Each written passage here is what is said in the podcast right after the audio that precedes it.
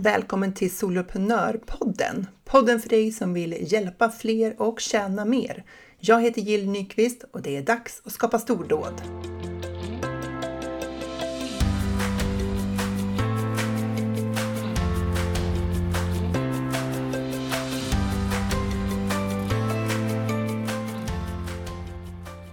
Jag har jobbat som chef i över tio år eh, och ledare man brukar ju ibland skilja på vad som är chefsrollen, alltså den eh, position av makt eller mandat man har i kraft av sitt ämbete.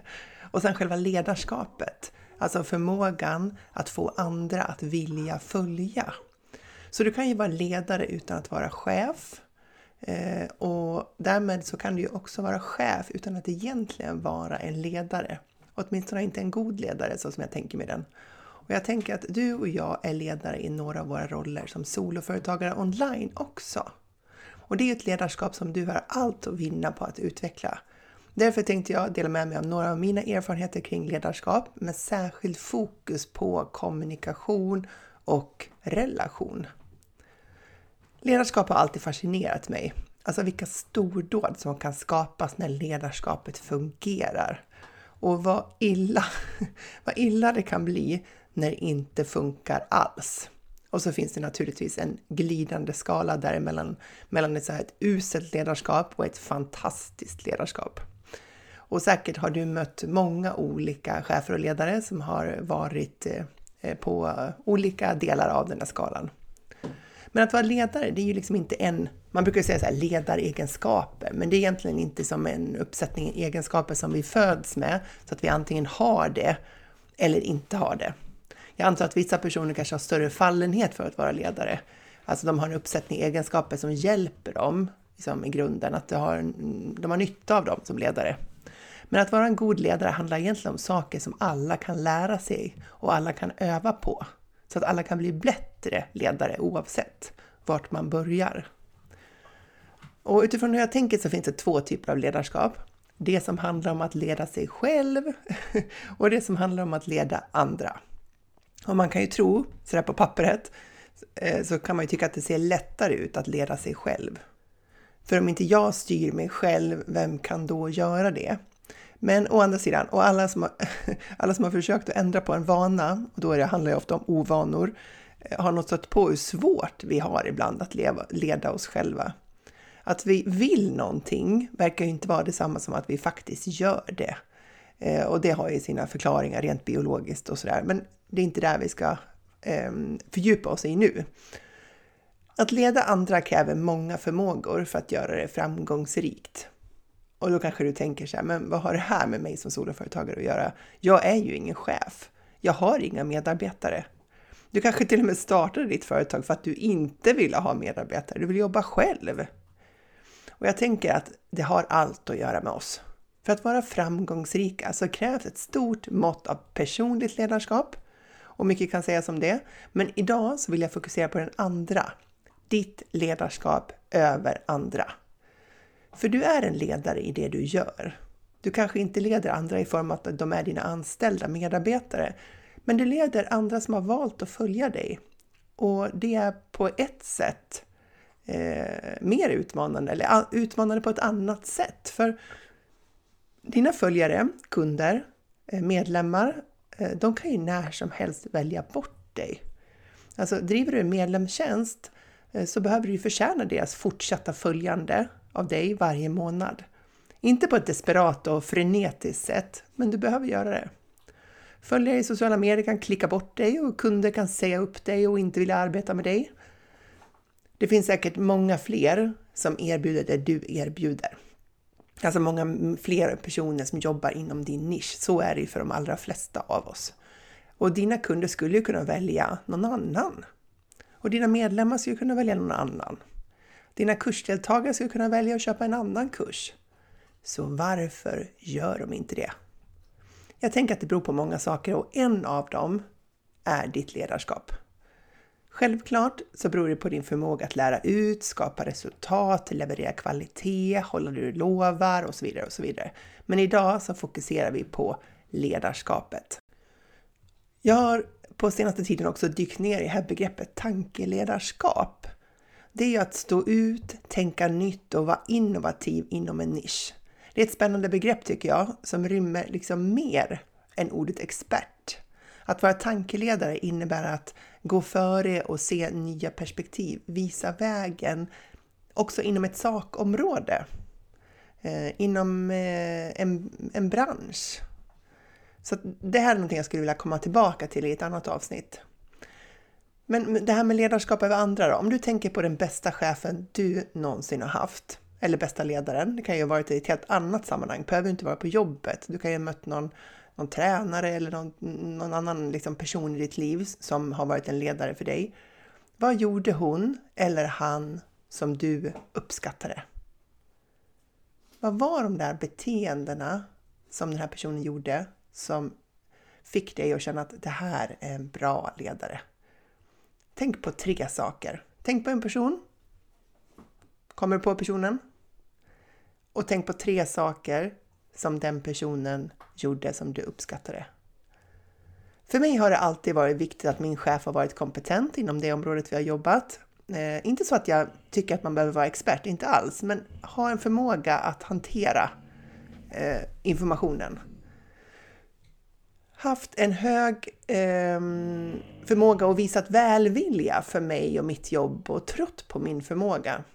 Sen har jag uppskattat saker som att, eh, att man kan vara tydlig men ändå lättsam, kunna skratta och se möjligheter, ge feedback, visat uppskattning, förutsägbar, håller vad hen lovat, är strukturerad, lite viktigt för mig. Eh, och det har varit viktigt för mig att känna att vi har en god relation med varandra. Hur ser din lista ut? Förmodligen kan den göras lika lång som min, men håll fast vid de där tre sakerna som du tänkte inledningsvis. Viktiga grunder i att utveckla ett gott ledarskap över andra är till exempel personligt ledarskap, eller ibland kallas det för självledarskap. Det handlar ju om, som jag ser det då, självkännedom, alltså förstå sig själv, insikter om sig själv, förstå varför man reagerar som man gör och så vidare. Och eh, eh, förmåga att styra sig själv mot uppsatta mål. Alltså att hålla i sitt eget agerande för att jobba mot långsiktiga mål. Förmåga att bygga relationer som ger en bra grund. Eh, kommunikation, att uttrycka sig tydligt så att man får människor med sig, så att de förstår vad det är som är på gång och varför. Eh, hålla i en riktning, alltså ha någon form av mål och styra verksamheten mot de målen. Och en annan grej som jag tycker är väldigt viktig som chef är att ge förutsättningar för andra att göra ett bra jobb. Och det finns ju en anledning till varför många ledarskapsutbildningar börjar med övningar och tester kring självkännedom. Att lära känna sina styrkor och svagheter. I början av min chefskarriär så fattade inte jag riktigt varför det där var så viktigt. Alltså, vad har jag att göra med mitt ledarskap? Jag var lite omogen i tankarna kring ledarskap och trodde att det handlar om att få saker gjort. Ge människor uppgifter att göra saker eh, och fatta beslut.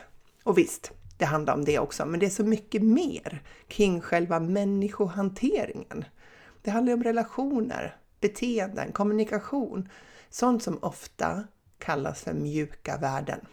Vilket är lite komiskt, för det leder tanken till att det eh, är lite lätt lättare grejer, lite mindre viktigt. Samtidigt som det är just den kompetensen i de mjuka värdena som saknas när det blir dåligt ledarskap på jobbet. Inte alltid, men många gånger så kör chefer fast i det här med relation och kommunikation och beteenden och förhållningssätt och sånt. En framgångsrik ledare behöver kunna hantera både människor och relationer och struktur, effektivitet och beslut. Det behövs liksom allt det som klassas som mjuka värden och hårda värden för att det ska fungera som bäst. Om du tänker på vad ett gott ledarskap innebär för dig, om du tänker på de här tre sakerna, hur den bästa ledaren du haft agerade, gör du det i ditt företag idag? Visar du samma ledarskap för dina medlemmar, kunder, kursdeltagare, följare som du själv uppskattar hos en god ledare? När du driver en medlemstjänst så blir det här kanske som tydligast, för du har en pågående relation med dina medlemmar över tid. Ibland är den eh, nära, som i att ni ses eh, en och en eh, som coachning eller på gruppcoachningar. Ibland är den inte i form av att ni ses liksom öga mot öga, men din medlem har ändå en relation till dig. För vad är en relation? Jag tänker att det handlar om mina tankar om den andra personen. För vi kan ju känna att vi har en relation till människor som vi aldrig har mött eller som vi aldrig direkt har pratat med. Vissa podcast som jag lyssnar på i åratal, där känns det på riktigt som att jag har en relation med den personen. Vi känner ju varandra, han och jag, eller hon och jag, men vi har ju aldrig mötts. Kommer aldrig att göra det heller. Vissa författare vars böcker jag har läst känner jag att jag har en relation med, för jag har ju liksom ja, men jag har skapat mig en bild av personen utifrån deras ord som jag har läst i 300 sidor eller kanske flera böcker. Vissa medlemstjänster jag är med i känner jag att jag har en relation med den personen som liksom är ägare eller liksom frontperson för medlemstjänsten. Trots att jag aldrig någonsin har varit i närheten av att träffa varken han eller henne som driver den. Relationer skapas i våra tankar om varandra. Du har dina tankar om dina kunder, kursdeltagare, medlemmar och följare och de har sina tankar om dig. Och en del av dem kommer att känna att de har en relation till dig för att de har följt dig så länge på något sätt. Det kanske bara är på Instagram. Du är en ledare när du har följare. Om de följarna blir kvar hos dig så blir de det för att de uppskattar ditt ledarskap. Din guidning, att du visar vägen. De har en egen relation till dig utifrån hur de tänker och tolkar det du gör och säger. Så låt oss stanna upp vid det här med ledarskap och relationer.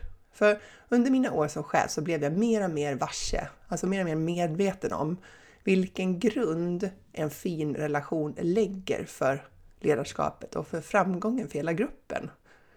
Om jag som chef har ansträngt mig och gjort min del av jobbet för att skapa en god relation med mina medarbetare, de känner jag eh, att de känner liksom att jag på riktigt bryr mig om deras utveckling, deras behov, deras problem och utmaningar då har vi så mycket lättare att hantera de övriga problemen som uppstår.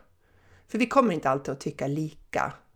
Och som chef har jag tolkningsföreträde. I en organisation så avgörs det här hierarkiskt. Som chef kan jag driva igenom beslut som mina medarbetare inte gillar. Det ligger i mitt mandat.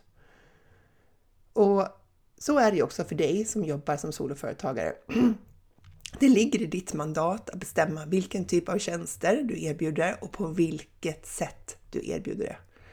Dina kunder kanske inte alltid blir nöjda med det upplägg du har, eh, men det står dig fritt ändå att ha det upplägget. Och ju bättre du kan kommunicera varför du har valt att göra som du gör, desto lättare för dem att eh, falla in i ledet och följa dig, även om de hade önskat att det var på ett annat sätt.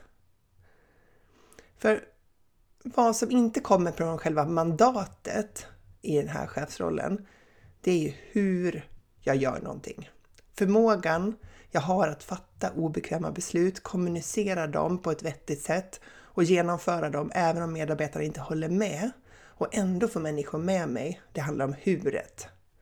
Och det blir lättare med en god relation i grunden. För det finns en förståelse för att vi har olika roller och olika uppdrag. Och i mitt uppdrag som chef ingår att jag ska ha överblicken, jag styr verksamheten i en riktning som är för företagets bästa. Sen kanske jag inte gör det på ett bra sätt. Jag kanske fattar fel beslut, gör fel förändringar. Och då behöver ju medarbetarna rätta in sig i det ändå, även om det kan kännas otacksamt eller surt eller frustrerande. Och jag som chef behöver ta ansvar för mina eventuella felbedömningar. Och hur jag gör det, hur jag klarar av att hantera mina egna misstag, avgör om jag kommer att stärka min position i gruppen eller försvaga den. Och det här blir ju detsamma när du jobbar i din medlemstjänst och du gör förändringar i din medlemstjänst.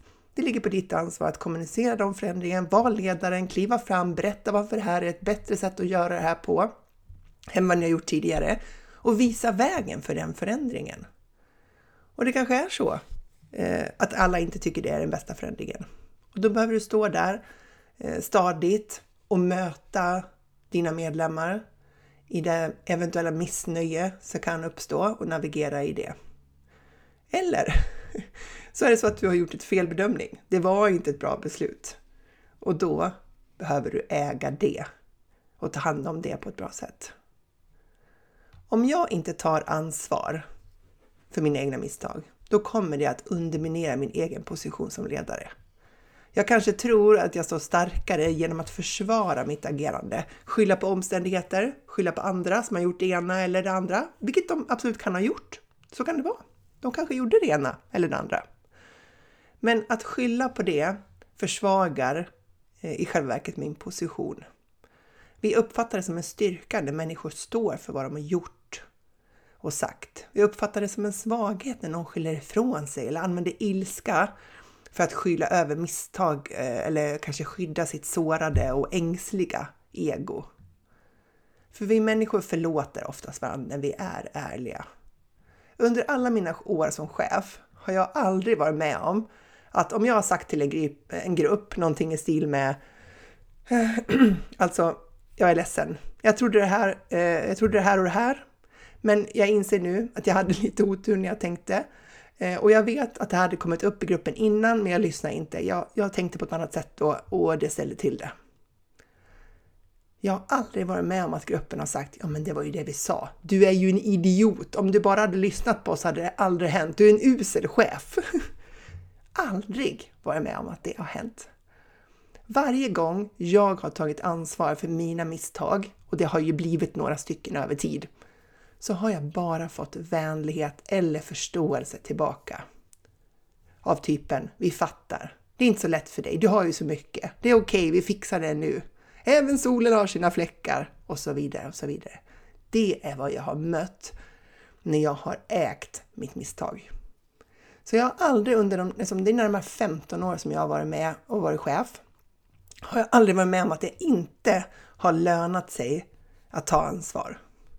Sen kanske jag inte alltid har tagit ansvar för jag har inte förstått min egen del i någonting eller inte insett och så vidare. Men de gånger jag medvetet har ägt mitt problem har det alltid lönat sig. För människor, vi vill inte ha ledare som är robotar, som är maskiner, som aldrig gör misstag. Vi människor vill ju ha som blir ledda av andra människor som är av kött och blod, människor som har sina fel och brister. Och det finns ett uttryck som säger “Jag har aldrig varit så stark som när jag visat mig svag”. Och det är paradoxalt, för när vi är osäkra på oss själva så vill vi inte blotta oss. När vi är osäkra i en grupp så vill vi inte visa upp våra svagheter. Så vi hittar strategier för att få dem att inte synas. Så att vi går omkring och hoppas att ingen ska komma på att vi inte är perfekta.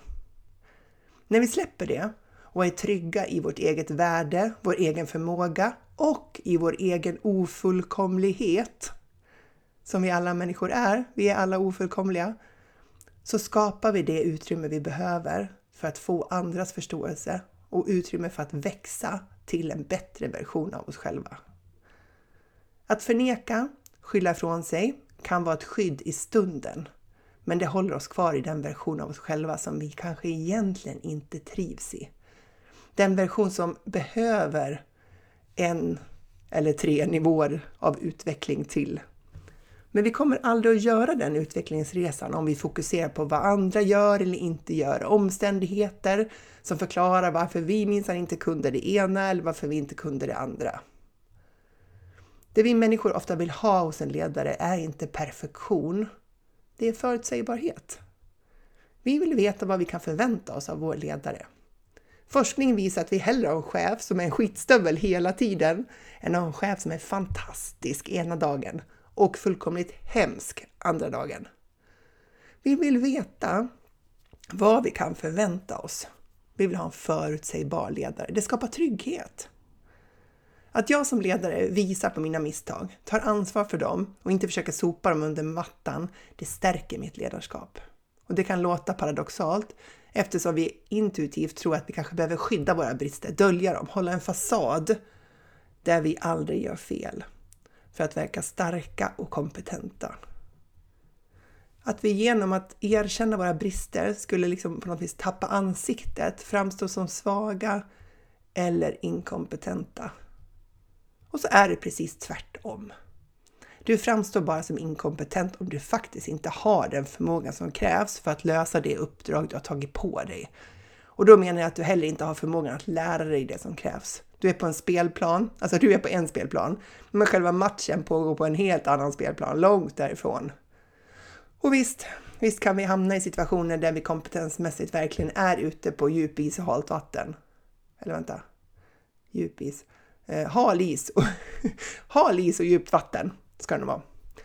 Eh, men jag tror faktiskt att det inte handlar om det i de allra flesta situationerna i vår vardag.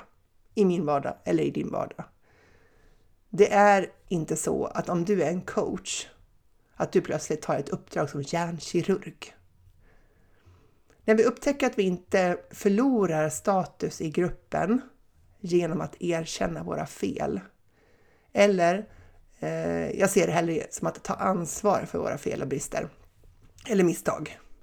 När vi upptäcker att vi inte förlorar på det, då är vi mer benägna att fortsätta göra det. Vi får en positiv upplevelse av det som gör att vi vågar testa det igen. Och då är vi ju i en positiv spiral. Det handlar inte om att skapa en god relation på bekostnad av dig själv eller uppdraget. Relationen ska inte byggas på att du bara ger efter och ger efter och slår knut på dig själv. Ser du likheterna mellan din roll idag som soloföretagare och de följare du har, de kunder du har? För det här är inte bara ett prat om att vara ledare, chef i en organisation. Det här är eh, förhållningssätt i att vara ledare i den verksamhet som du har i ditt företag idag gentemot de kunder, de följare du har idag. När du driver en medlemstjänst så är du i en liknande situation, för du kommer att göra fel. Du kommer missa saker. Eh, allt du gör kommer inte vara lika bra. Med en god relation så har du utrymme att göra fel utan att det får någon så här stor inverkan på gruppen. Det finns marginaler. Eller du har en buffert, du har byggt upp ett relationskapital. När jag pratar om föräldraskap och ADHD så brukar jag prata om hur vi medvetet behöver fylla på relationskontot med våra barn eftersom familjer med ADHD har fler konflikter än andra familjer. Fler konflikter mellan vuxna och barn, men också vuxna emellan. Det är slitsamt. Vi tjänar på att fylla på kontot med positiva saker och, det, och när vi gör det medvetet så skapar vi en buffert. Jag brukar likna en god relation med tjocka mattan i gympasalen. Kommer du ihåg den där som stod uppställd eh, mot väggen med ett stort eh, gummiband och så kunde man fälla ner den. Och eh, våran var alltid så här typ röd och blå. Och så var den ungefär en halv meter hög och när man klev upp på tjocka mattan och sjönk den ner av belastningen. Sen när man klev av den, då återtog den sin form. Så tänker jag att en god relation är. Att man har den här bufferten, man har höjden i tjocka mattan i sin relation. Sen utsätts den för belastningar, för det händer saker. Det händer alltid saker. Eh, men när man har den där bufferten, då fjädrar det tillbaka igen. Då återtar den sin form. Tjocka mattan och relationen.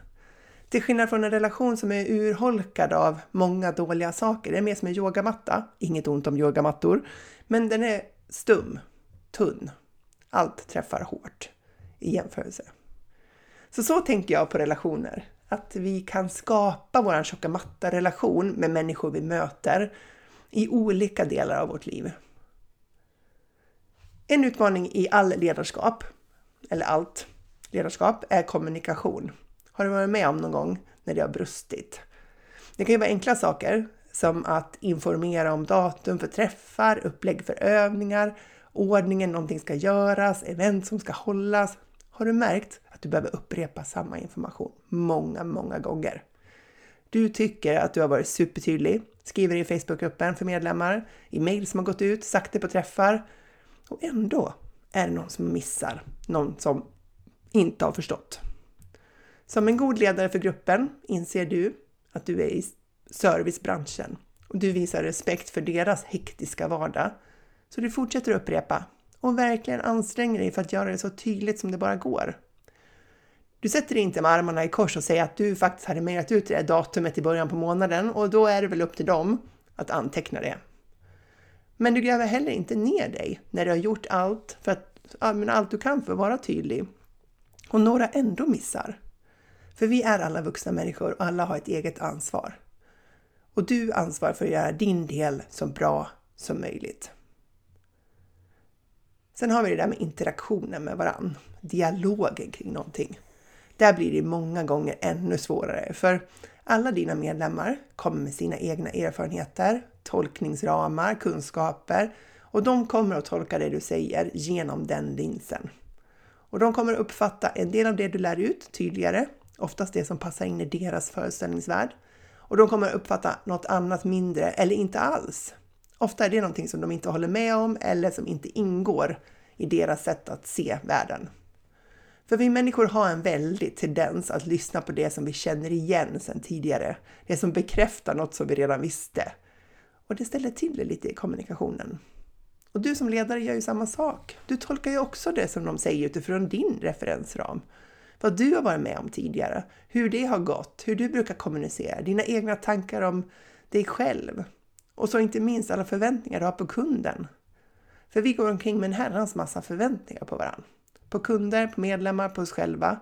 Och vi tänker att vi har samma förväntningar på varandra. Du på kunden, jag och medlemmen. Vilket vi ofta inte har. Och då blir det krångligt. Missförstånd eller dålig stämning. Tänk dig, tänk dig att det finns fyra parametrar när du pratar. Det, det du säger, det du menar, det hon hör och vad hon uppfattar att du menar. Så ju större glappet är mellan vad du säger och vad du menar, desto större risk för missförstånd. Vi är ju alla lite olika tydliga i hur vi kommunicerar. Alla har inte samma fallenhet för att uttrycka sig tydligt.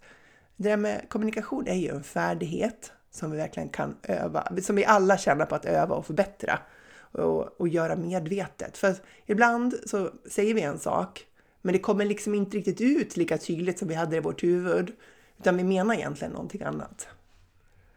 Och sen har vi ju vad de hör då och hur de tolkar det du säger. Här kan det också glappa. Så om du får en kraftfull reaktion på någonting du har sagt till en kund eller kursdeltagare eller medlem eller vad det är och du inte förstår varför så är det förmodligen här det kan brista. Här kan verkligen det skapas konflikter. För om du har i tankarna vad du faktiskt menade med det du sa och du reagerar på deras uppfattning av vad det innebar, alltså hur de tolkade det, så kan det ju snabbt gå ut för i kommunikationen. Om jag bara tar ett exempel, vi säger att du säger så här. Eh, jag vill att alla mutar sig på mötet och trycker handen i Zoom på den, på den här gruppcoachningen, om man vill säga något. Det du menar då är att jag vill skapa en bättre upplevelse för alla under mötet. Det hon kanske hör är så här, oj, oj, nu ska det styras upp. Hennes tolkning av det är så här, jaha, då har inte vi skött oss tidigare tydligen. Här får man inte ställa frågor. Det är känsligt. Det är väldigt lätt att gå fel i kommunikation. Och det finns en modell som jag har haft jättestor nytta av, både som chef, som konsult, som förälder, som ledare för de här två medlemstjänsterna jag driver och den kallas för feedbacktrappan. Och du kanske har hört om den. Den beskriver hur man kan ta emot negativ feedback. Och här har vi verkligen mycket på att vinna i vår kommunikation. Feedbacktrappan, då får du se framför dig en trappa med en, två, tre, fyra, fem olika steg. Och den första nivån, första trappsteget, det är förkasta. Jag kan säga dem alla på rad. Förkasta, försvara, förklara, fråga, förstå. Så om vi ska titta på det första trappsteget, eh, förkasta, då skjuter du ifrån dig informationen helt. Så här, nej, nej, det här stämmer inte, aldrig hört, helt fel. Så, du bara förkastar det som sagt. Nästa nivå, då eh, försvarar du. Ja, men det är klart att jag blir förbannad. Han står här och säger att jag inte har sagt det. Jag har sagt det hundra gånger och så försvarar du ditt eget agerande. Tredje steget är förklara. Ja, ah, men vet du, så här, det berodde på att jag hade jättemånga mejl, och inte hunnit läsa det där, så jag visste ju inte. Och så förklarar vi, förklarar och förklarar varför det blev som det blev. Det är de tre första stegen. Det fjärde är fråga. Fråga då i syfte att förstå, inte en sån där aggressiv fråga som att eh, hur, hur menar du att det skulle fungera? Uh, sådär. Utan så här, oj, vad hände? Eller hur blev det för dig? Eller berätta mer. Och det sista steget då är förstå. Utifrån informationen du har fått när du har ställt frågor för att liksom utforska vad egentligen den andra personen menade, så förstår du och du bestämmer dig för om du vill ändra på någonting. Och i, jag vet inte hur vetenskapligt belagt den här trappan är, men jag har haft en otrolig nytta av den här för att du när du, eh, du kan googla på feedbacktrappan och, och titta på den eh, och se om du känner igen att du ofta är i något av de här stegen. Som chef så var jag nog i försvara i, under många år, kanske pinsamt många år. Och sen hamnade jag nog ganska länge i förklara. Eh, sen hoppas jag att jag nu har blivit bättre på att ställa de här frågorna. För att när vi reagerar starkt på no vad någon säger, då är det alltid, och man känner att man vill gå i försvar, för man kanske känner sig orättvis behandlad eller liksom missförstådd eller vad det är. Att då ställa frågor för att liksom nyfiket utforska, vad handlar det här om egentligen? Det finns ingen nedsida på det. För att om du har en kund som har uttryckt sig på ett skarpt sätt och du blir väldigt, kanske blir chockad eller liksom frustrerad eller förbannad över liksom, vad är det här? Eh, så förvissa dig om att du verkligen har förstått vad kunden menar. De kanske är precis så missnöjda och du kanske har gjort exakt rätt tolkning av det där mejlet som kom eller vad det är. Men då vet du det om du har ställt några kontrollfrågor. Många gånger har jag upptäckt att när jag har ställt de här frågorna, så här, hur menar du då? Eller vad, vad hände? Vad tänkte du? Um, så varför blev det här så besvärligt för dig? Eller liksom så här, för att ta reda på mer. Så har det kommit fram information som jag inte hade förstått från början. Och det har gett mig eh, en mycket bättre utgångspunkt för att fatta ett beslut om att göra någon eventuell förändring eller inte. Men det har gett mig nya insikter. För problemet när vi befinner oss på de här stegen, förkasta, försvara, förklara, när vi möter Eh, ja, missnöjda kunder eller medlemmar eller följare eller vad det är, det är ju att eh, vi skjuter ifrån oss informationen. Vi lär oss ingenting nytt av det där eh, och vi kommer inte göra någon förändring. Och det kanske är så när du har ställt dina frågor att du kommer ändå inte göra någon förändring. Du, det finns ingenting som säger att du måste göra det. Du kanske står fast precis vid det du har gjort eller sagt eller vad det är för någonting och det är helt okej. Okay. Poängen med det här, det är att du då tar det ställningstagandet med så mycket mer information och förståelse än om det hade varit längst ner i trappan och bara förkastade det som har sagts. Så googla på det, feedbacktrappan. Förkasta, försvara, förklara, fråga och förstå. Det har hjälpt mig att lyfta mig själv i håret upp till de övre två stegen som handlar om fråga och förstå fler gånger i livet generellt. Det här gäller ju alla relationer.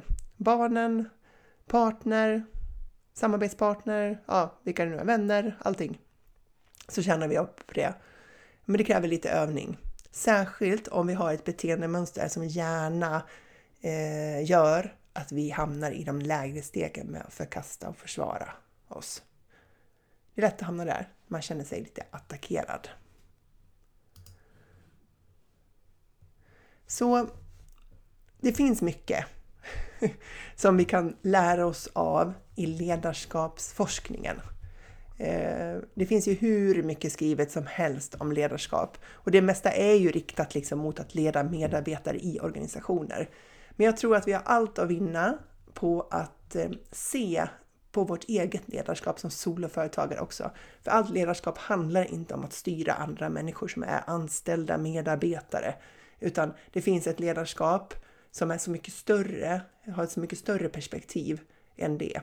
Så du kan ta ut riktningen för ditt ledarskap online.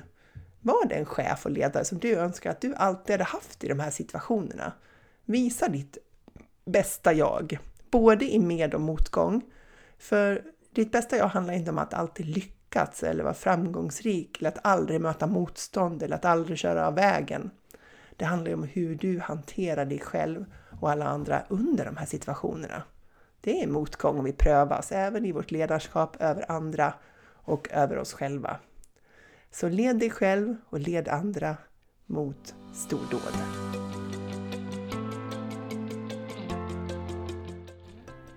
Stort, stort tack för att du lyssnar på Soloprenörpodden. Jag är så glad att ha dig här.